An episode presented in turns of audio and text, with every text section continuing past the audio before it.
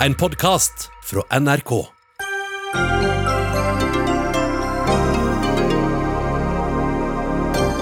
Fortsatt mange uklarheter rundt ansettelsen av Nicolai Tangen som ny oljefondsjef. Debatten om ham og skatteparadiser mangler totalt nyanser, sier skipsreder Herbjørn Hansson. Sjøfartsdirektoratet vil utsette nullutslippskravet for cruisenæringa i verdensarvfjordene. Det ødelegger markedet for oss, sier leder for Grønn næringsklynge. Dette er den viktigste 1. mai på 40 år. Nå er det tid for fellesskap, samhold og solidaritet, mener Høyremannen Hans Gilmøyden, som er klar med flagget i morgen. Og snart kan vi samles 50 personer til feiring og konsert, men hva ligger egentlig i de nye koronareglene?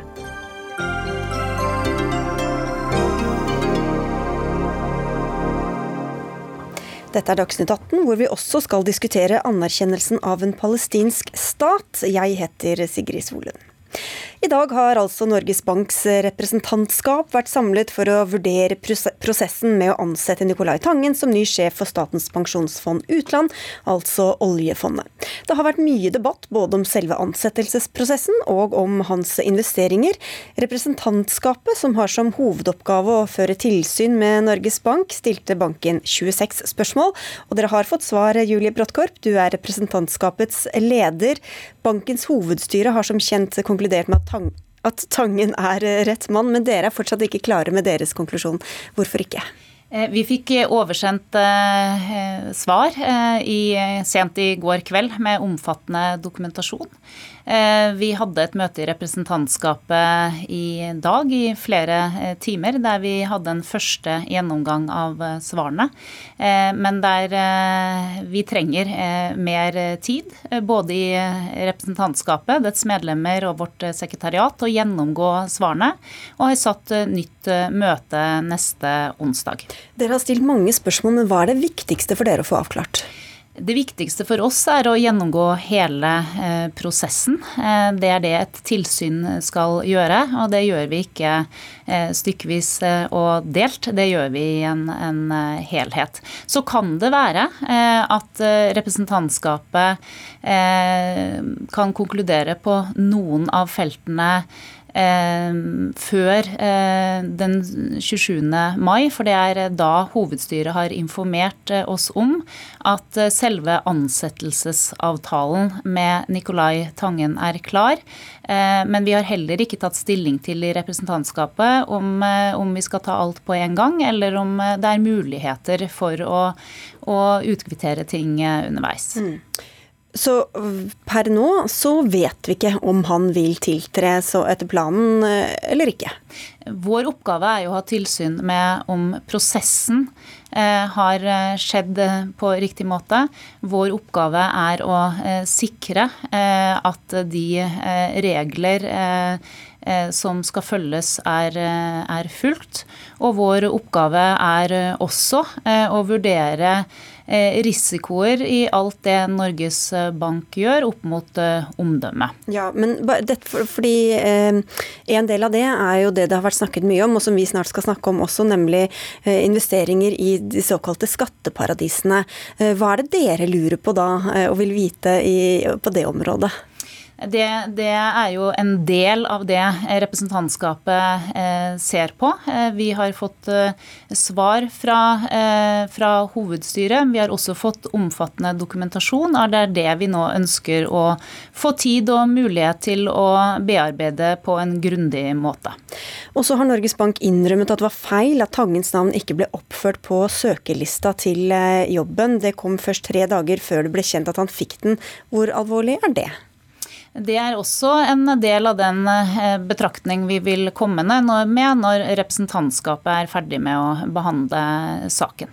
Men du sier jo altså at uh, ifølge denne nye loven så skal dere ha tilsyn med omdømmet til Norges Bank. Men hvordan vurderer man det egentlig? Man går jo inn og ser på forskjellige risikofaktorer eh, som kan gå utover eh, Norges Banks eh, omdømme. Det er særdeles viktig at Norges Bank, både som sentralbank og oljefondet som del av det, har, et, har høy tillit og dermed et godt omdømme. Men hvordan formelt skal det kunne avgjøres om noe har et godt omdømme eller ikke? Det er jo å, å gå inn i eh, de, eh, de, strukturer Norges Bank eh, har. Og det som står i vårt mandat, er at det skal selvfølgelig være å se på den finansielle risikoen, men også da omdømmerisikoen. Og det er jo det siste punktet her som vil være eventuelt aktuelt i representantskapets arbeid med denne saken. Tangen sa vel selv her i Dagsnytt 18 at han var lei seg for at oljefondet ble mistenkeliggjort. Er du enig i det? Eh, jeg har verken noen følelser eller, eller, personlige meninger i denne saken. Eh, jeg behandler denne saken som en del av et kollegium i representantskapet. Og det er, det er representantskapet som kollegium som behandler saken. Og det skjer altså i løpet av de neste ukene. Takk skal du ha for at du kom, Julie Bråttkorp. Og så langt altså Norges Banks representantskap, men det er flere av de samme spørsmålene vi har hørt stilt herfra, som dere også har stilt eh, fra SVs side, hvor du er finanspolitisk talsperson, eh, Kari Elisabeth Kaski. Og med den kunnskapen vi sitter med nå, mener dere at Tangen kan overta som ny sjef? Jeg mener jo at det er helt avgjørende at vi, vi kommer i mål med avklaringene rundt hvor Nicolai Tangen skal ha formuen sin. Eh, hvordan de, den fondskonstruksjonen blir, og hvordan selskapsstrukturen blir. Det burde ærlig talt ha vært på plass idet han ble ansatt. Jeg synes det er Norges Bank som bør få den største kritikken for prosessen som har vært rundt det. Og jeg mener at det er åpenbart at sånn som det ligger an nå, det at han skal f.eks. kunne ha penger i skatteparadiser, er, er, uaktuelt hvis han skulle kunne ha den jobben. Mm. Herbjørn Hansson, skipsreder, styreleder, grunnlegger av Nordic American Tankers. Du har mange ganger også her i Dagsnytt 18 forsvart pengeplasseringer på f.eks. Caymanøyene og brukt tjenestene der selv også. Men hvordan er det greit at en oljefondsjef har plasseringer der, mener du? Han, han eh, kan internasjonal finans. Og jeg vil at han som skal passe på mine sparepenger, kan internasjonal finans. Og Cayman Island er et ekstremt velorganisert samfunn. Hennes sjef, som heter Audun Lysbakken, sa i dag Debatten om skatteparadiser trenger ingen nyanser, sa han. Det er jo helt forskrekkelig at han sier noe sånn på norsk radio, fordi vi blir rubrisert som Cayman Island vi i Norge. Og eh, Rubrisert, hva, mener du med rubrisert? Ja, vi har Samme presisjonsnivå, samme forordninger, samme reguleringsmekanismer. og er like gode som Cayman Island. Og eh, jeg kan også si at Jersey eh, er rangert akkurat som Danmark og Tyskland. Og da er det OECD du lener deg på? Korrekt. Mm. Og, så har jeg vært der i 40 år. Du vet, Tidvis i ditt medium så blir dette sagt at det er noen røverhuler. De er så velorganisert og så skikkelige. Mye skikkeligere enn i Norge, spør du meg. Mm. Det er ikke noen tvil om det. Ja, for det er disse nyansene, da. Dette blir jo sagt å være en slags bransjestandard, uh, Kaski. Så forsvinner nyansene da når vi diskuterer disse såkalte skatteparadisene? Vel, akkurat dette innlegget fra Hansson bør i alle fall nyanseres. For klart, Cayman Islands er nylig satt på svartelista fra EU. Var du der sist? Nei, jeg har aldri vært nei, der. Men, nei, og jeg tror heller ikke det er en forutsetning for å kunne det, vite jo, at det, det har vært Nei, for at Cayman Islands er satt på svartelista til EU over skatteparadiser. Dette er konstruksjoner som er skapt for å skjule penger. Det du sier, er ikke sant. Dette er konstruksjoner som er Og at du ikke har på det, det får jeg tilgi deg som er skapt for, for hemmelighold, og for at man både skal kunne eh, ja, komme seg, få en billigere skatteregning, men også for å sikre hemmelighold. Og det finnes legitim kan man skal si, Det er mulig å være i skatteparadiser uten å bryte loven, men på den måten bygger du opp under strukturer og legitimerer strukturer som også benyttes av kriminelle, som benyttes av skurker. Og skatteparadiser sin eksistens er det som truer velferdsstater i vestlige land, og, og, forhindrer utviklingsland å bygge opp sin velferd. Hva er det som ikke er sant? Hva er det som det, ikke stemmer? For det er et vel veldig velregulert samfunn. Men det kan vel være velregulert samtidig som, samtidig som man eh, legger til rette for lite skatt? Jeg har kun og... vært der i 40 år, jeg. Det er ikke lenge det. Og hun har aldri vært der. Hun har lest det i en tykk bok, og hun sier, og hennes sjef sier, at uh, Debatten om skatteparadiser trenger ingen nyanser. Det, det er jo en forferdelig uttalelse at du ikke liker Cayman Island, for så å være, men Det jeg ikke liker, er jo at disse strukturene forhindrer at skatten blir betalt til de landene sant, der verdiskapningen verdiskapninga skjer. Det er disse, Jeg er den disse skattepar- Disse skatteparadisene er med på å uthule hele verdensøkonomien. Det, Det, det bidrar direkte til at kriminelle kan skjule pengene Det sine. er ikke sant. Men, men eh, Hansson, er du enig i at det er mange som plasserer eh, penger der eller fond der osv. For, for, for å betale mindre skatt? Nei, det kjenner ikke jeg til. Hvorfor gjør man det da? Nei, altså det, det har med dobbeltbeskatning å gjøre, og det har med internasjonal finans å gjøre. Og dette er høyt eh, regulerte, og vi har det samme i, i Bermuda. Tidligere statsminister på Bermuda var i mitt styre i tolv år, men her fremstilles det fra deg og, og dine foresatte som dette er noe røverhuler. Og jeg må bare gjenta, det er ikke sant det du sier. En gang, så, ø, ø, ikke på min regning, du kan betale det selv, så skal du få være med meg til Cayman Island, så skal du se hva det er. Du må være ganske velregulert for å kunne nettopp bidra til å skjule så mye penger, fordi konstruksjonene som disse skatteparadisene tillater, er så komplekse. Og det er jo det som er litt av, av årsaken til at vi er så opptatt av det her når det kommer til ny oljefondsjef. Ja, fordi Tilbake til Tangen litt. Hvorfor er det med hans plasseringer så viktig for hvilken jobb han skal gjøre? Hva har de to tingene med hverandre å gjøre i det hele tatt? Det er viktig av to årsaker. Det er viktig for det første fordi at oljefondet må være i forkant og stå i, i, foran her i det internasjonale arbeidet for å sikre åpenhet rundt både selskapsstrukturer og skatt. Der har oljefondet tidligere gjort en ganske viktig jobb.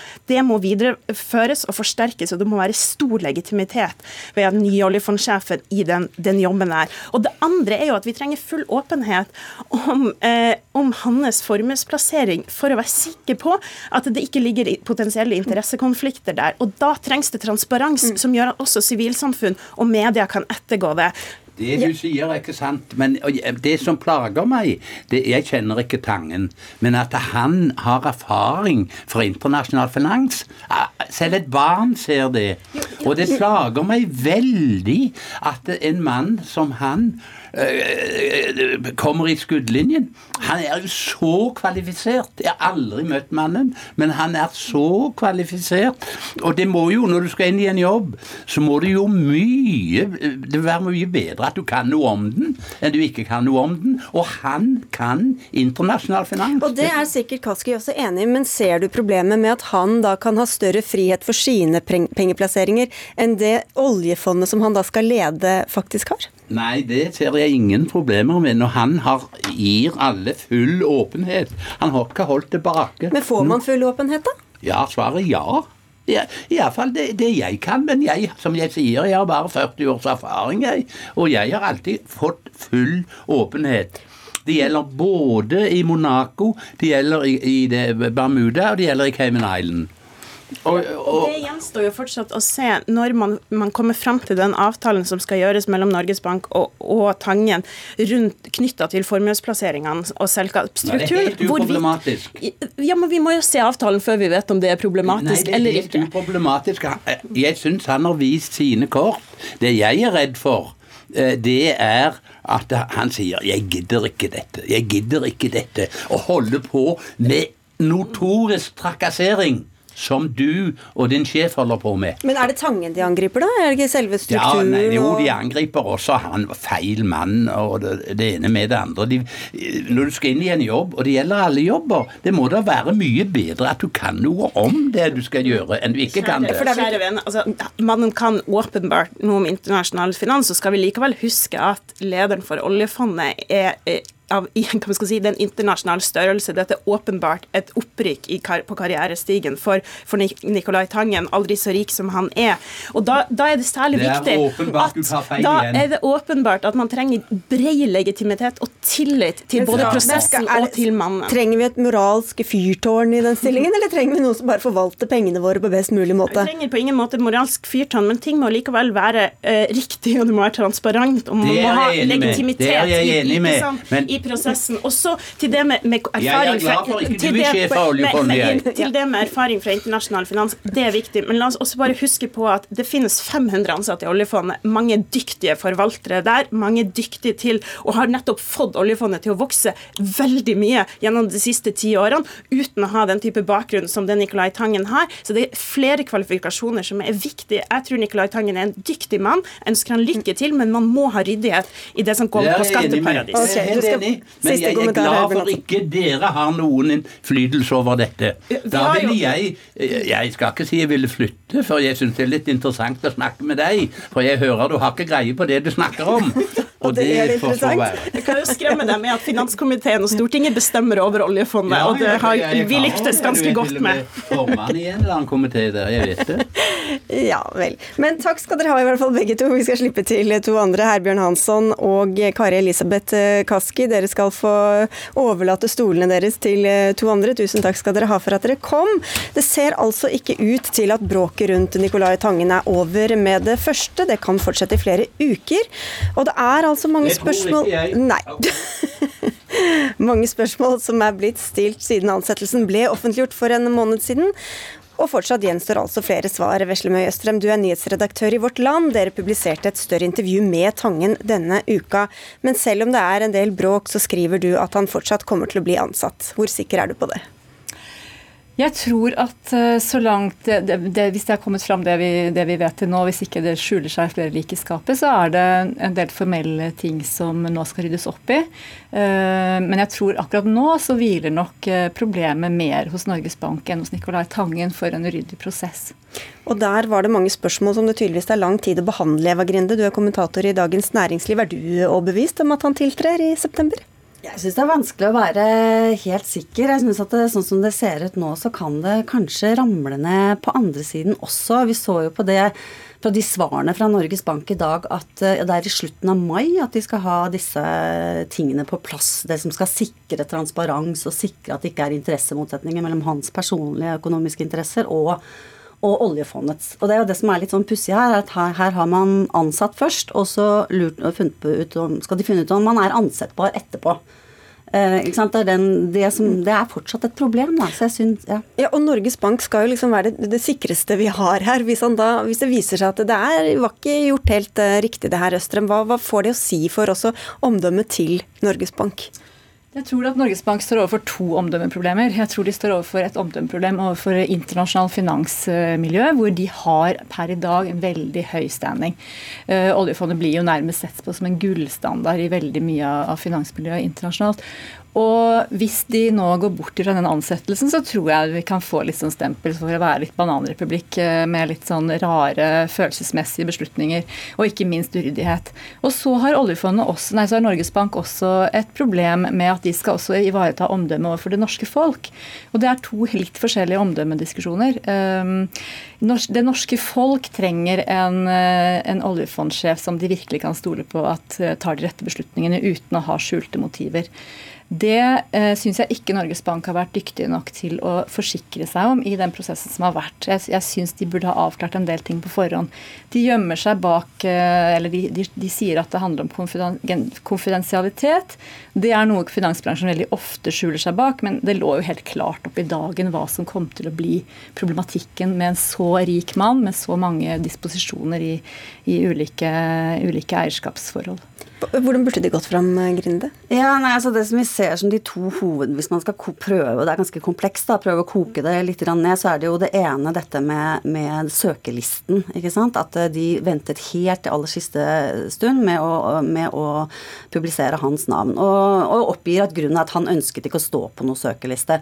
Og det er forståelig. Og her er det nok antagelig en litt sånn innforståtthet også i miljøet i Norges Bank, at de vet at hvis hans navn kommer ut og det begynner å spekuleres om at han faktisk skal gå av fra Aco Capital, eh, så vil det kunne flytte på milliarder på ganske kort tid. ikke sant? Sånn at det var en forutsetning. Men Kan man ikke da stå som søker, litt. men at det er unntatt offentlighet hvem det er som er søker? Ja, Det var jo litt interessant i dag, da, for da kom det fram at eh, det de var redde for da, var at det var ingen garanti for at ikke folk kunne få eh, kjennskap på, på, på grunnlag av en innsynsbegjæring hvis man sto der som anonym.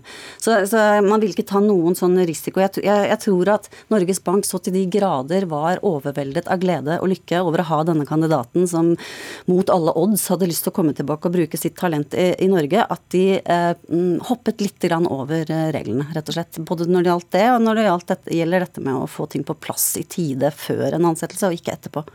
Og så hørte vi Julie Bråttkorp snakke om at de også da har ansvaret for omdømmet til eh, Norges Bank. Men hva kan de gjøre, hvordan skal det ivaretas så lenge alle disse spørsmålene stadig blir stilt? Det er jo én en eneste medisin mot tillitsbrudd, og det er jo åpenhet. Uh, og det gjelder jo både for Nicolai Tangen og for Norges Bank. Uh, så lenge man har åpenhet rundt prosesser, og så lenge man er ryddig i forhold til hvordan man har tatt beslutninger og avgjørelser, uh, også i prosessen med ansettelsen, så, så vil den tilliten kunne komme, komme, fram. Men jeg blir litt overraska over at ikke Norges Bank har forstått helt sprengkraften i denne saken, og hva som ville komme til å bli utfordra. Jeg tror dilemmaet er at det kanskje ikke er mulig å få den åpenheten på bordet som man krever. Og da blir spørsmålet kan Norges Bank leve med det bråket som da kommer til å komme igjen og igjen. Men det er noe journalister er veldig opptatt av. Men tror du mange mennesker der ute er opptatt av åpenhet og hvor han har plasseringene sine, så lenge de ser at oljefondet begynner å gå oppover igjen eh, etter hvert? Ja, nei, men hvis ikke de er det, så skal vel journalister få minne dem på hvor viktig det er, da. Vi får se hvordan det går de nærmeste ukene. Takk skal dere ha begge to, Eva Grunde fra Dagens Næringsliv og Veslemøy Østrem fra Vårt Land. Dagsnytt 18 alle hverdager klokka 18.00 på NRK P2 og NRK2. Mot slutten av denne Dagsnytt 18-sendinga skal vi høre fra en Høyre-mann som mener at 1. mai i år er viktigere enn noensinne, men før det skal vi utenriks. For nå er det på høy tid at Norge anerkjenner en palestinsk stat, mener Arbeiderpartiet, som snart skal få utdype. Du ser så bekymret ut, Anniken Huitfeldt. Det er det vi har skrevet i programmet. Nei, ok, vi, ta, vi går dit. Eh, men først til bakgrunnen her. altså At den, den nye israelske samlingsregjeringa vil eh, diskutere en annektering av den palestinske Vestbredden. Og hva ligger i dette, Kristin Solberg? Du er Midtøsten-korrespondent og er med oss fra Beirut. Ja, Dette kom jo etter tre israelske valg hvor det ikke ble noen klar vinner. Og Nå ser man at de to tidligere rivalene Benjamin Netanyahu og Benny Gantz har gått sammen for å danne en kriseregjering. Og i avtalen mellom dem så er det koronahåndtering som skal stå i fokus de neste seks månedene, med unntak av planer om å fremme annektering av okkuperte Vestbredden, og inkludert da også Jordandalen. Eh, kanskje allerede fra så tidlig som 1.7. Og Det var et av kravene til Netanyahu i regjeringsforhandlingene, at han skulle kunne eh, fremme slike planer såpass raskt. Men vi må også se det i lys av Trumps, altså president Donald Trumps plan for Midtøsten, som ble offentliggjort i januar, der han ga amerikansk grønt lys for nettopp en slik annektering, til tross for at det strider mot eh, folkeretten. Og Netanyahu har beskrevet dette grønne lyset som en historisk mulighet, og mange analytikere mener at eh, han ønsker seg det for, eh, for, politiske, for, sin politiske arv og ettermæle. Men hva kan skje da, hvis dette faktisk eh, skjer? Hvis dette faktisk skjer, så er det jo svært svært alvorlig for palestinerne. Det vil jo være nådestøtet for en egen palestinsk stat, slik mange palestinere beskriver det. Eh, Trumps plan legger jo opp til kun et lapp lappeteppe av palestinske områder som knapt nok henger geografisk sammen. Og det er vanskelig å se for seg hvordan man skal klare å, eh, å, få, eh, å få, stablet en palestinsk stat på, på, beina hvis Israel virkelig eh, gjennomfører disse annekteringsplanene. Så er det jo også det folkerettslige i dette. Dette vil jo stride mot internasjonal lov. Så hvis det skjer, så vil det også være veldig alvorlig på det viset. Du nevnte også Benny Gantz og hans parti, hans parti som i utgangspunktet var imot denne annekteringa. Hva skjedde da på veien? Ja, Vi så jo eh, hvordan eh, hver, for hvert valg eh, hvordan Benny Gantz beveget seg mer og mer mot annektering, og mer og mer i tråd med Netanyahus eh, politikk. Eh, palestinere som jeg snakket med før valget, det siste valget nå i mars, de sa at det var ett fett, altså like ille for dem hvorvidt det ble Benny Gantz eller Benjamin Netanyahu som vant valget, fordi de mente at begge ville føre eh, en lignende politikk som ville være skadelig, om ikke helt ødeleggende for tostatsløsningen. Og Vi så jo også at Gantz eh, stilte seg bak Trumps plan som åpner for annektering. Riktignok med det forbeholdet at det skulle være eh, en internasjonal støtte for det. Det er det lite trolig at Israel får, all den tid det bryter med folkeretten, og all, den tid det eh, blir beskrevet som et nådestøt for en palestinsk stat. Eh, men nå får vi jo se da om den internasjonale støtten er viktig for Gantz eller ei. Denne avtalen med Netanyahu tyder jo på at det kanskje ikke lenger er det. Mm. Takk skal du ha, Kristin Solberg. Anniken Huitfeldt fra Arbeiderpartiet, du leder utenriks- og forsvarskomiteen på, på, Stortinget. Og du har gått hardt ut mot denne avtalen og sagt at planene om annektering vil være på linje med det Sovjet gjorde etter annen verdenskrig. Hva er uh, sammenligninga her? Jo, det er jo at ett land eh, angriper et annet militært. Eh, og at de innlemmer det i sitt land. Og det er jo helt klare brudd på folkeretten. Og Derfor er det viktig at vi er tydelige. Eh, og så mener jeg at det er veldig viktig at regjeringen nå går til angrep på det som er bosetterøkonomien. Altså det man tjener på okkupasjonen. Og få klare regler mot kjøp av bosettervarer. Og at vi merker eh, varer som er produsert på okkupert land. Regjeringen må altså evne å endre politikk i takt med at også Netanyahus regjering nå gjør det.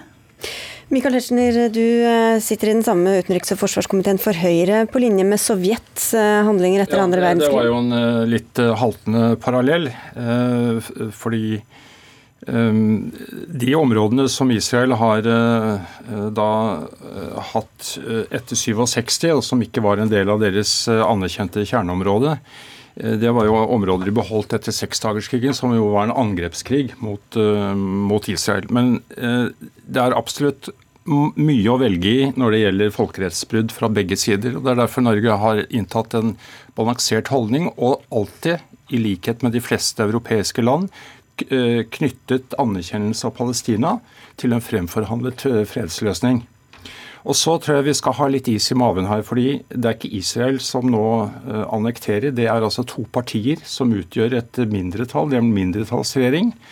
Og De har laget en konstruksjon her som vel også kan få en til å tenke på at her er det andre adressater enn eh, naboene det er snakk om. Men eh, det er snakk om amerikansk innenrikspolitikk, det er å utnytte mulighetene de har mens Trump er, president. Men er du ikke redd for at det, kan, at det kan bli noe av? Jeg kan bare si at en anneksjon vil jo være et eh, stort tilbakeslag for fredsprosessen i Midtøsten. Og eh, Norge vil ikke støtte det, fordi det vil også være folkerettsstridig. Men så gjelder det allikevel å si at vi er ikke der, fordi det er altså en mindretallsregjering. Det ene partiet er jo eh, ikke, for anneksjonsplanene. Så dette, eh, det som nå skjer 1.7, det er at Likud, det største partiet, får anledning til å bygge ut et flertall med eventuelt to ultraortodokse partier og også ytterligere to, hvor eh, det, israelske arbeiderpartiet er én.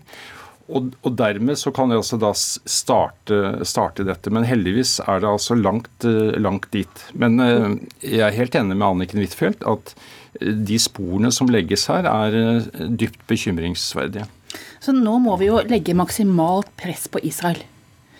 Det vil være veldig skadelig for Israel hvis dette skjer. De har nå ikke støtte blant demokratene. Det er jo det som har vært deres allianse over lang tid. De har ingen støtte hos noen europeiske land. Så dette vil skade sikkerheten i hele regionen. Og Da bør vi også bruke en del sterke ord, og vi må ta avstand fra økonomien i dette. Og jeg syns vel at regjeringen er for seende da, med å endre politikk og de ordene de bruker, i takt med det Netanyahu nå gjør. Nå må vi legge maksimalt press på Israel. Men Hva hjelper det da, om man bruker de eller de ordene? Jeg mener f.eks. at det å si at vi ikke skal kjøpe varer som er produsert på okkupert land, å merke varer som er produsert på okkupert land. Det vil være et veldig sterkt økonomisk virkemiddel. Og jeg syns det er paralleller til andre deler av verden her. Det å ta og okkupere et land, det har altså paralleller til det Russland har gjort i Ukraina. Og jeg tror at det er veldig viktig nå at i en tid hvor menneskerettigheter er under press, folkeretten er under press, så kan ikke vi fra Vestens side være dobbeltmoralske og være mindre fordømmende over den type anneksjon enn annen type anneksjon. Kan jeg bare si at uh, vi, vi bør jo legge et maksimalt virkningsfullt press på Israel. Og virkningen får vi bare hvis vi opptrer samlet med naboland. Men tror du ikke penga rår eh, også Nei, altså det som skjer nå, det, altså Den fremgangsmåten som Arbeiderpartiet For de har jo etter Stoltenbergs avgang eh, de har jo gradvis også endret Midtøsten-politikk. fordi før dette, det forrige regjering, altså Stoltenberg-regjeringen, Eh, den førte jo nettopp en politikk som knyttet sammen en, en forhandlingsløsning med en anerkjennelse. Fordi, og dette er også viktig, fordi det er mange folkerettsbrudd å velge i også på palestinsk side. og Man må også opprettholde et press om at de avstår fra sine egne folkerettsbrudd. At de innfører noe som ligner en rettsstat, kanskje beveger seg i retning av et demokrati som, eh, som allerede Israel har, har, innført med sine eh, mangler, selvsagt. Så, så, det Arbeiderpartiet nå inviteres til, er et slag i luften, og som antagelig også vil ekskludere Norge som troverdig eh, samtalepartner for begge de stridende parter. Vi, vi må bare oppklare, litt, fordi jeg sa jo at dere ville anerkjenne Palestina nå. Men hva er, det, hva er ståstedet deres da egentlig her nå? Ja, Vi vil anerkjenne Palestina, men vi må gjøre det på et tidspunkt hvor det skaper maksimalt press, og vi gjør det sammen med andre land. Og det er jo riktig som Tetzschner sier, at det er en stor splittelse nå på palestinsk side, og det har ikke vært valg der siden 2006. Så dere vil fortsatt knytte det sammen med Nei, det er det vi ikke vil. Nei. Ja, det var det jeg hørte. Ja. Jeg, vi stiller ikke krav om det, men Tetzschner svarer ikke på det jeg sier. Men Hva skal til for at dere vil anerkjenne Palestina, da? Ja, men Det må være en del av en prosess. Men vi krever ikke lenger at det må være en fremforhandlet fredsløsning. Ja, og så er det jo slik at det var Jonas Gahr Støre som styrte Arbeiderpartiets Midtøsten-politikk da vi var nær ved en avtale i 2011. og Da gjorde vi klar til anerkjennelse, men så gikk det dessverre ikke den veien. Men Tetzschner svarer altså ikke på Nei, hvorfor han ikke ønsker å ha merkevarer. Og her er jo Norge mye tregere enn veldig mange EU-land. Så her er jo Norge mer forsiktig enn mange land vi burde sammenlignes med. Og markedet er vel ikke ja, det er sånn fordi Man skal tenke gjennom de virkemidlene man velger, og det syns jeg absolutt Arbeiderpartiet skal faktisk gjøre hvis man vil selve saken vel, og ikke bare kritisere norsk eh, regjering, som egentlig bare har fulgt opp det andre det som er hovedstrømningen i Europa, og også som Stoltenberg uh, førte av politikk før uh, Gahr Støre slapp løs på egen hånd.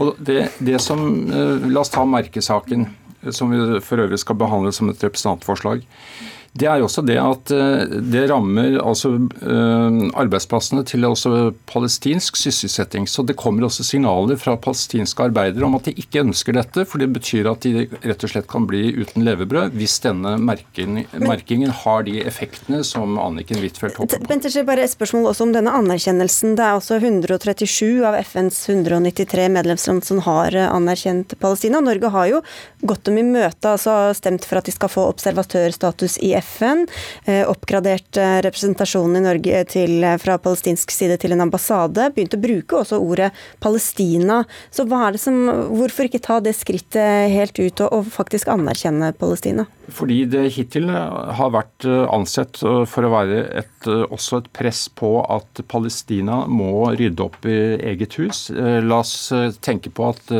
Halvparten av territoriet er jo okkupert av eh, Hamas, som er en terrorlistet organisasjon.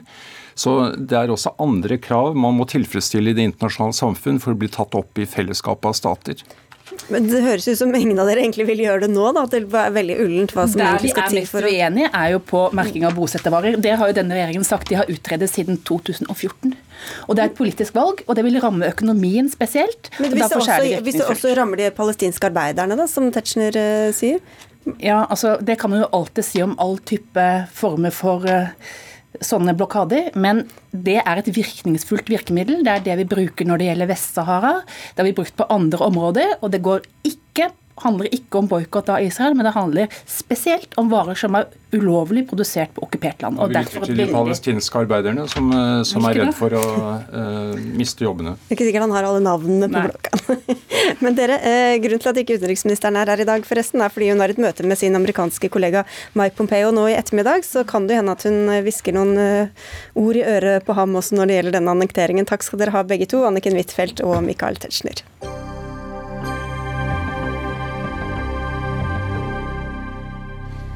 50 er dagens tall. Det er i hvert fall så mange vi nordmenn kan være på sammenkomster i ukene som kommer. På en pressekonferanse i dag kom det nye retningslinjer fra regjeringa, og dette var altså en av dem. Assisterende helsedirektør Espen Rostrup Nakstad, og dette skjer bl.a. etter rådet fra dere. og Hvordan kom dere fram til akkurat tallet 50? nå er vi i en situasjon i Norge hvor det er lite smitte. Eh, og det er jo egentlig to ting som da betyr noe. Det ene er jo da hvor mange samler man, i tilfelle noen da er syke uten å vite det? Og hvor stor avstand har man til hverandre? Det er liksom de to tingene som er viktige. eh, i det offentlige rom. Og, og da har vi kommet fram til nå at 50 er et godt tall på arrangementer hvor man da har en arrangør også. Og Det er litt viktig, fordi at hvis noen da viser seg å være syke, så er det viktig å få sporet dem opp, vite hvem som var der. Også i forhold til smittesporing. og da da er det et fornuftig tall å begynne med, sånn som vi ser det nå. Dette er jo noe særlig idretten og kulturen har vært veldig spente på hva som kom til å komme i dag. Hva kan det få å si for dem i praksis? Dette er jo en forsiktig start. Eh, dette er en prosess. Eh, nå er det altså arrangementer som man eh, snakker om. Og det ble jo sagt i dag også av helseministeren at hvis alt går bra, vi fortsatt har lave smittetall, så vil man 15.6 kanskje kunne øke det til 200. Men da også med minst én meter avstand, som er regelen. Eh, og så er da spørsmålet hva med da aktiviteter hvor du må innimellom være under én meter, f.eks. da ballspill, den type ting. Eh, det er et pågående arbeid. Det finner vi sikkert gode løsninger på etter hvert. Eh, og det blir sannsynligvis litt i tråd med da spesielle regler som gjelder for barnehager og skoler og den type ting. Men, men det er en prosess som ikke er sluttført, og, og det kommer man tilbake til. Så ingen fotballkamper foreløpig? Man kan fortsatt trene da fem stykker med avstand, sånn som man har gjort eh, i mange idretter nå. Og det gjelder fortsatt nå også. Eh, og så er det sånn at det som ble annonsert i dag, det gjelder jo først fra 7. mai. Sånn at uh, den uka som kommer nå, er fortsatt uh, egentlig status quo. Det er veldig mange som skulle feire, gifte seg f.eks. nå i sommer, som har avlyst bryllupene sine. Mm. Hva får disse nye reglene å si for alle private arrangementer, for familietreff og for brylluper og begravelser osv.? Altså, Arrangementer hvor du på en måte har en arrangør, det er et arrangement. Det er ikke bare tilfeldig ansamling av mennesker. Det er ikke en fest. Det er ikke at du møter venner i parken. Det er altså et arrangement. Det er en dåp, det er et bryllup, det er en begravelse, det er en konsert, den type ting. Hvor man kan ha mer enn én en meter avstand. Så er det sånn da fra 7. mai at man kan være inntil 50 stykker. Hva er sannsynligheten for at man i et bryllup hvor det gjerne serveres vin og man skal danse, altså at det i det hele tatt opprettholdes én meter avstand mellom gjestene? Nei, Det er et godt poeng, og det er det som gjør dette vanskelig. Men det er klart, samtidig så er det da denne faren hvis man da har for tett kontakt, så øker smitterisikoen. Og, det grunnleggende her er jo at vi vil ikke komme i en situasjon som vi var i tidlig i mars, med å måtte skru hardt igjen. Det ønsker vi å unngå. Og Derfor så er dette fortsatt ikke fritt fram. Det blir gradvis, og det blir kontrollert. Men hvis man f.eks. skal ha en begravelse, så kan en privatperson si at jeg er arrangementsansvarlig for dette, denne begravelsen, og skriver opp navn og telefonnummeret til alle som dukker opp, da, eller? Altså Begravelse er jo ofte arrangert av et begravelsesbyrå i prinsippet. Eh, og det er en eh, prest eller en annen person som eh, forretter, og sånn at det er et arrangement. Og det samme er en konfirmasjon. sånn at Egentlig så er det relativt enkelt å skille da tilfeldige møter og fester fra alt det andre. Hva med da andre typer samlinger, da? En, en middag f.eks. Er det lov å ha det? Fortsatt er anbefalingen dette med maks fem personer og, og avstand, eh, minst en meter. Eh, sånn at det er ikke noen endringer på disse tingene nå denne uka som kommer. Men eh, Bent Høie har jo sagt at det kommer nyheter også den 7. mai. Eh, sånn at eh, da tror jeg vi vil få mer av det. Men man kan invitere andre inn og ha besøk inne? Altså, regelen nå er jo dette med fem i gruppe og kontakt, og at lekekamerater skal begrenses og alle disse tingene. Og det er ikke noen endringer i det. Men, men, eh, men hvor mange man framover kan ansamles tilfeldig og sosialt når det ikke er en arrangør inne i bildet, det er vi i en prosess med, og det kommer man tilbake til. Men dere har allerede spilt inn deres eh, råd på veldig mange områder, etter hva jeg forstår? Men dette er en pågående prosess hos regjeringa, som du sier da? Ja, vi, vi spiller inn, eh, vi spiller inn eh, strategiske vurderinger jevnlig. Men vi får også en god del andre oppdrag innimellom som kvitteres ut til Helse- og omsorgsdepartementet. Så dette er en kontinuerlig prosess nærmest fra dag til dag. For Hvorfor kan man ikke f.eks. i et stort kontorlandskap ha halvparten på jobb så lenge man sitter fra hverandre og vasker hendene godt? Mm. Ja, Det er et godt poeng. Det med, med kontorfellesskap, da kommer jo dette med offentlig transport inn som en faktor. At uh, det kanskje området i samfunnet hvor folk har tettest kontakt og, og mest kontakt, det er ved transport på buss, bane, tog osv. Så, videre. så Så det er et element som vurderes inn mot det. Og mm. dette er også en prosess på. Du, det er jo mange nordmenn som har hus og hytter i Sverige og Danmark. Lurer på om de kan dra dit i sommer. Er det noe man kan planlegge med? Det er også et uh, veldig godt spørsmål. Du stiller meg mange gode spørsmål i dag. Uh, får ikke så mange svar? Men... jo, du får noen svar. Men nei, altså nå innenlands så har man jo fått ganske klare signaler nå. Dette er jo veldig avhengig av smittesituasjonen i våre naboland og hvilke regler de har. Og Det er jo allerede sånn nå at du kan dra på hytta i Sverige hvis det er vannlekkasje eller du må tilse hytta. Men med en gang du begynner å overnatte der eller begynner å feriere i Sverige, så blir det fort 14 dagers karantene. Så dette med karantenereglene i lys av smittesituasjonen i naboland, og også i lys av testing og ny teknologi for å være sikrere på at du er frisk, kan endre seg over tid. Ok, Så det, det kan fortsatt hende at man kan reise til sommeren, man må bare holde, ha litt mer is i magen. Eh, jeg skal bare ha et par spørsmål til her, for Det er sikkert veldig mange barn som savner besteforeldrene sine, og ikke minst motsatt. Hvis vi skal holde på med denne avstanden fram til vi har en vaksine, så vil det være veldig mange gamle familiemedlemmer som ikke har noen nærkontakt med dem de er glad i på veldig lang tid? Ja, nei, Dette er et av de største dilemmaene i hele koronakrisen. Eh, fordi eh, eldre, og særlig de eldste besteforeldrene, er veldig sårbare. Eh, men her er det igjen spørsmål hvor sannsynlig er det at barn er syke? Hvor mye smitte har vi i samfunnet? Og hva slags kontakt har man? Og igjen så blir det det at å gå tur utendørs f.eks. nå med avstand, det er ikke noe stor smitterisiko. Men det å sitte på fanget, særlig med en, en lite barn, som snufser og på en måte har symptomer, det er jo noe vi ikke anbefaler. Så, så, dette blir en vurdering som den enkelte må ta også. Eh, vi gir gode råd, og det er gitt egen veileder for sårbare grupper. Eh, og så må man på en måte ta litt den vurderingen selv også, også i lys av smittesituasjonen. Ja, for Hvis man er veldig gammel og skjønner at man har, kan umulig ha så mange år igjen, mm. så er det kanskje mer fristende å ta sjansen og være sammen med dem man er glad i, enn å leve resten av livet i isolasjon? Ja. Det er et godt poeng, og dette er jo ikke forskriftsfestede regler, akkurat dette. Dette er jo råd til sårbare grupper. Eh, og det er jo også noe med hvor gammel man er som besteforeldre. Det er ikke alle som er over 65 heller.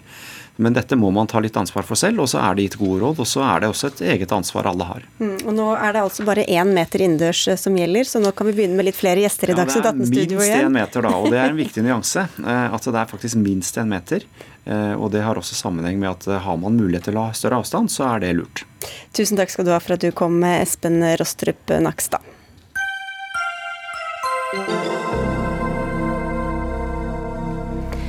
For to år siden vedtok et samlet storting at det skulle stilles krav om null utslipp fra cruiseskiprederier som ville ferdes i norske verdensarvfjorder, som Geirangerfjorden og Nærøyfjorden. Og det skulle skje senest i 2026. Men i en utredning anbefaler Sjøfartsdirektoratet å utsette dette kravet til 2030, fordi de ikke tror at teknologien kommer til å være klar om seks år. Utredningen skjedde på oppdrag fra Klima- og miljødepartementet, og det er Teknisk Ukeblad som har skrevet om denne saken. Hege Økland, du er administrerende direktør for næringsklyngen NCE Maritim Cleantech, og du har liten sans for denne konklusjonen fra direktoratet. Hvorfor er du ikke enig i den?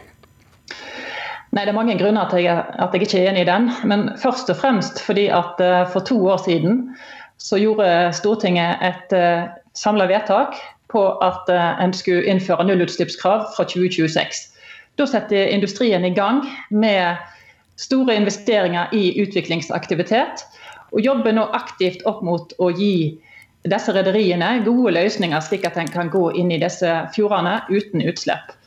Og Det er jo denne type krav som driver utviklingen framover. Og hvis en stadig utsetter kravene, så må industrien sette sine prosjekt på vent.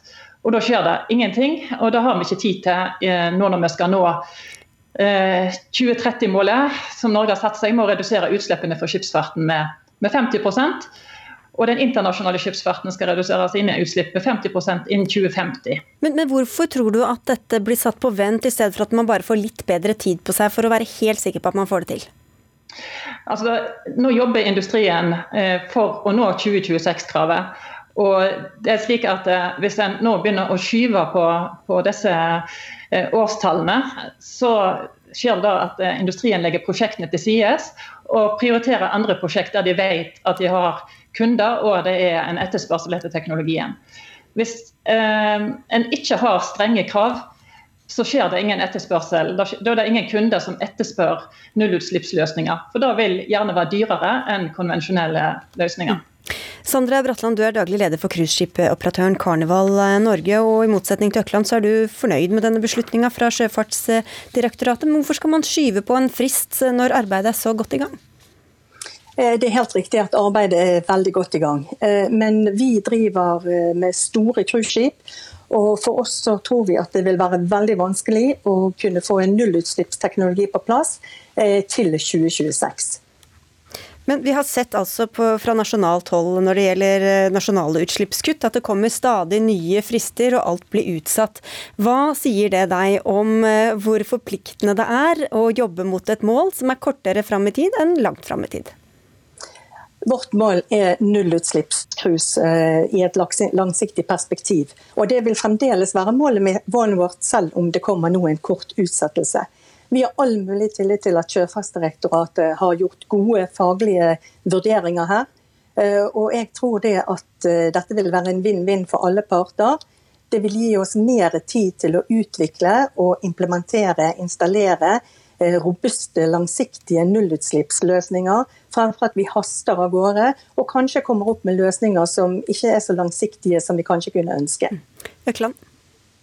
Ja, det vil være slik at løsningene blir utsatt, eh, eller utviklingen av disse løsningene blir utsatt. Eh, og da vil løsningene se like ut i 2026 som de vil gjøre, gjøre i 2030. Eh, og når en kommer nærmer seg 2030, så kan en risikere at en skyver på det enda en gang. Så jeg eh, har opplevd eh, gjennom min erfaring med den internasjonale skipsfarten at det alltid er rederi som vil søke utsettelser på implementering av nye krav og restriksjoner. Og når en skyver det fram i tid, så skjer det ingenting. Utviklingen skjer først når en er helt sikker på at eh, regelverket blir innført. Da foregår eh, investeringene og implementeringen av den nye teknologien.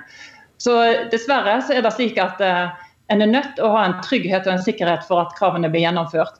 Og så vil jeg legge til at Spesielt i denne tida her, der eh, næringen er ramma av oljeprisfall og korona, så trenger vi noe som er forutsigbart. Og fra regjeringens side så har en vært veldig tydelig på at det er det grønne skiftet som skal bringe oss videre.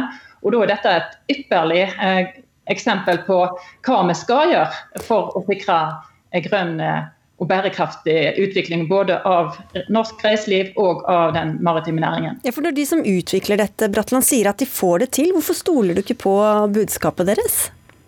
Jeg har all mulig respekt og, og anerkjennelse for eh, NC Maritime Cleantechs medlemmer og den jobben de gjør. Men meg bekjent så er det per i dag ikke utviklet uh, nullutslippsløsninger som kan drive store skip over lengre avstander. Og det er jo det vi trenger. Vi er jo her for å også bidra til lokal verdiskaping. Og Et eksempel er jo at hvis våre store skip skal seile utslippsfritt inn til Geiranger, så trenger vi to timer utslippsfri seilas. Vi trenger å ligge i Geiranger i åtte timer for å kunne slippe folk på land, sånn at de kan bidra til eh, å oppleve eh, stedet og bruke penger i land.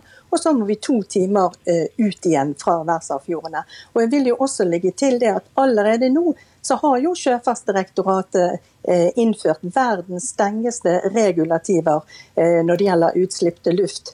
Eh, og disse blir gradvis strengere og strengere, og i 2025 så kommer de absolutt strengeste kravene, det som heter TIR 3, eh, for skip som skal seile inn i disse fjordene. Og det er ytterst få skip i dag som kan gjøre det. For vår del i Karneval, jeg kan jo ikke snakke for hele industrien, så vil vi i 2025 ha ca. ti skip som kan tilfredsstille de kravene. Og det er ikke sikkert at alle vil seile i våre farvann. Og det betyr jo eh, en betydelig reduksjon eh, i utslipp når det blir mindre skip, som også er de mest miljøvennlige som finnes. Å si at det er 2030 betyr jo ikke at man ikke kan implementere det før heller, Økland. Men hva hvis fristen opprettholdes og teknologien rett og slett ikke er der? Altså, med, jeg representerer 120 industribedrifter fra hele den maritime leverandørkjeden. Og Det pågår nå et utviklingsløp med flere ulike energibærere innenfor ammoniakk, hydrogen, batteriteknologi. Jeg ble kontakta av eh, administrerende direktør i Corvus, Geir Bjørkeli, når han leste at dette vedtaket her sto i fare for å bli utsatt. Da bekymra han sterkt, for nå sa han at jeg har investert titalls millioner i utviklingsarbeid og kan tilby løsninger som gjør at disse skipene kan seile utslippsfritt i verdensarvfjordområdet. Og Dette er et prosjekt som de bl.a. tar med selskap i Karnevalgruppen. Og så syns jeg det eh, er interessant når jeg eh, så sitatet til eh, Michael Tam fra Costa Grossier i Carnival-gruppen, som sa at norske krav bidrar til utviklingen mot renere og mer miljøvennlig teknologi. Norge utfordrer oss. Så at vi som sjøfartsnasjon òg kan ha en drivende rolle i å få frem grønne løsninger til den internasjonale skipsfarten, det er en utrolig viktig posisjon. og Det sikrer arbeidsplasser langs hele kysten. Og vi er gode på avansert teknologi og etterlyser strenge krav. Så jeg er helt overbevist på om at eh, industrien er i stand til å svare på denne utfordringen. Ja, stoler du ikke på deres egne leverandører, eh, Bratland, når de sier at de får det til? Jo da, det gjør jeg. Og vi har jo, altså Aida, som mitt av våre rederi, de har jo gjort avtale med bergensbaserte Corbus om å installere verdens største batteripakker for skip eh, om bord i Aida Perla. Dette skulle vært gjort i år, og det kommer til å skje neste år. Det, når det er sagt, så vil ikke de batteriene som er på 10 megawatt, kunne føre skipet to timer inn i Verdensarvfjorden. La det ligge der i åtte timer, for det er ingen landstrøm i Geiranger, og heller ikke i Flom for øyeblikket. Eh, og bringe dette ut igjen. Så det er en fantastisk og kjempegod begynnelse. Og vi er veldig stolt for å være de første som vil teste dette ut. Men eh, noe langsiktig løsning for, en, eh, for lengre seilaser, det er det ikke per i dag. Og da kan jeg si at eh, nå skal klima- og miljøministeren se nærmere på denne anbefalingen fra Sjøfartsdirektoratet, før han avgjør hvordan dette skal følges opp videre. Men så langt har både Høyre og SV på Stortinget reagert negativt på anbefalingen fra direktoratet. Tusen takk skal dere ha, Sandra Bratland fra Karneval Norge, og til Hege Økland fra NCE Maritim Cleantech. Hør Dagsnytt 18 når du vil. Radio NRK Radio.nrk.no. Ja, i morgen er det 1. mai. Er du klar for arbeidernes dag, Hans Gelmund? Ja, for første gang i mitt liv så har jeg tenkt å feire. Du er altså PR-sjef for, for PR-byrået Gilmøden Kise og Høyre-medlem, kan jeg legge til. Og du skriver i et blogginnlegg at etter 40 år med borgerlig revolusjon i Norge, så tror jeg mange har glemt hvordan dagen feires. Og nå sier du altså at du skal gjøre det for første gang, men hvorfor akkurat nå? Jeg tenker at denne 1. mai er viktigere enn noen 1. mai vi har eh, vært gjennom, i mitt liv i hvert fall og som jeg kan huske. Eh, og det kommer naturligvis av koronasituasjonen og pandemien. Eh, og det fantastiske løftet jeg tenker at nordmenn har gjort sammen. Som viser verdien av eh, fellesskap, og solidaritet og samhold. Og det er kanskje tre av de viktigste ordene 1. mai. Ja. Så jeg er litt høytidsstemt. For nå er alle sosialister eller sosialdemokrater, skriver du? Ja, i hvert fall det siste. Også lyseblå høyrefolk.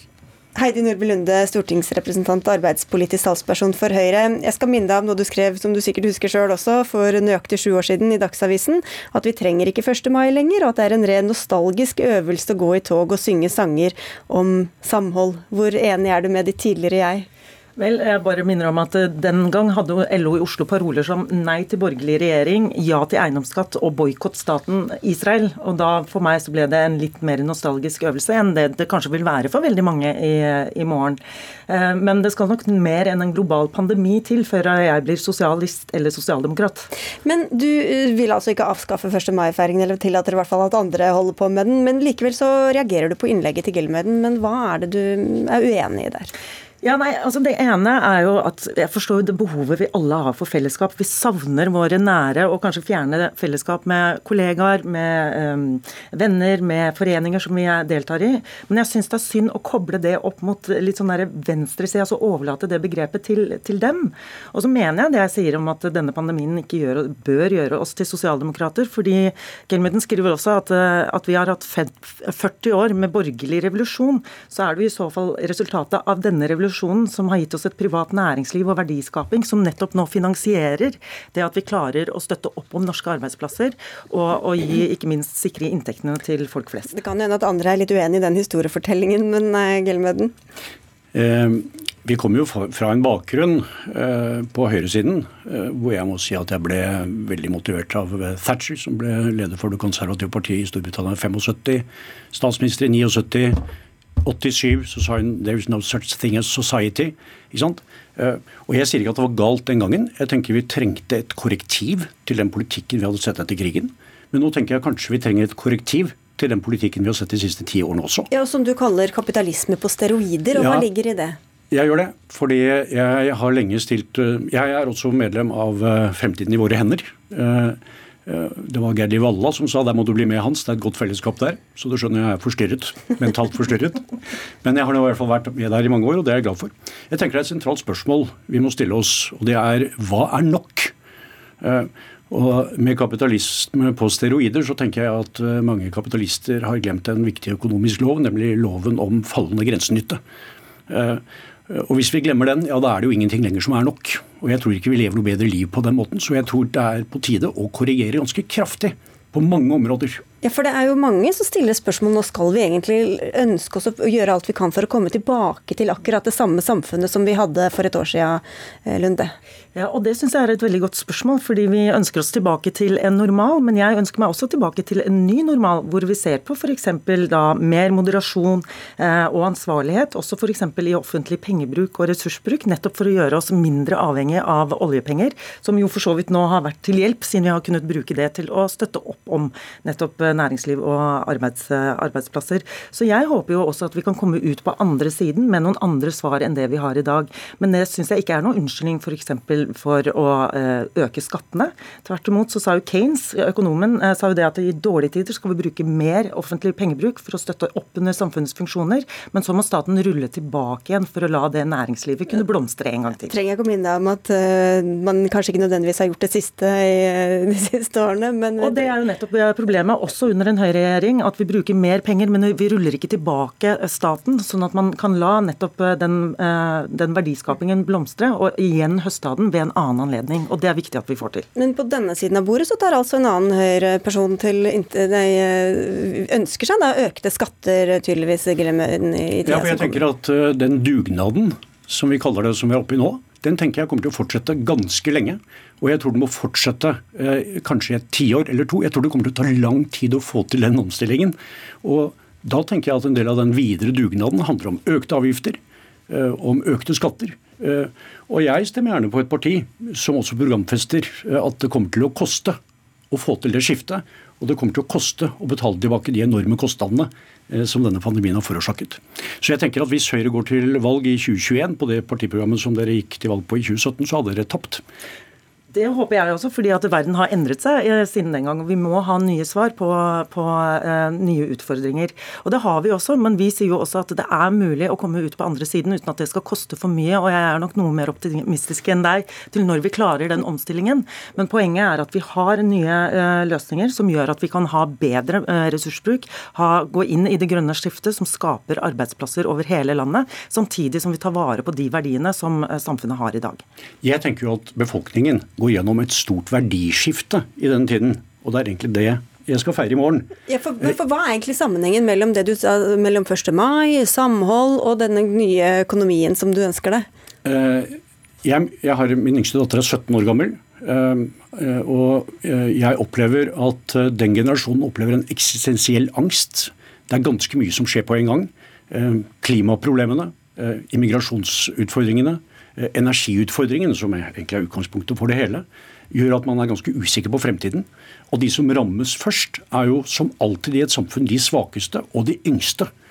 Eh, så vi som er eh, ganske rike og ganske gamle og ganske feite, vi må være forberedt på å overføre ganske mye og hjelpe helt andre grupper å leve et bedre liv, sånn at de altså får fremtidstro. For den fremtidstro mener jeg har svekket. Og i morgen så skal jeg feire fellesskapet og fremtiden og gratulerer med dagen. Det, men jeg synes det er på tide. 1. mai har vært en viktig dag i alle de senere årene for å nettopp ivareta og feire den norske modellen. Ikke minst også trepartssamarbeidet, og ikke minst eh, også arbeiderbevegelsen. Og trepartssamarbeidet kommer til å være helt sentralt for å kunne ta oss gjennom de nødvendige omstillingene som vi faktisk trengte også før koronakrisen. Og den norske modellen er født i krise. Og, og den funker i krise. Og du har pugget internasjonalen, Gelmønnen? Jeg har begynt med 'Seieren følger våre faner'. og blir det flagging på balkongen hos dere, Lunde? Nei, men jeg synger kanskje med når de synger om at skattene tynger oss ned. ja, det, er det, ene, det er det ene linja dere liker den sangen. Takk skal dere ha, i hvert fall dobbel høyre på avslutningen her fra Hans, Hans Gelmøden og Heidi Nordby Lunde. Dagsnytt 18 tar med dette pause til mandag. Det var Dag Dørum som hadde ansvaret for sendinga. Eli Kirkjebø hadde det tekniske ansvaret. Jeg heter heter Sigrid Solund og ønsker en god kveld og en god 1. mai og god helg med det samme.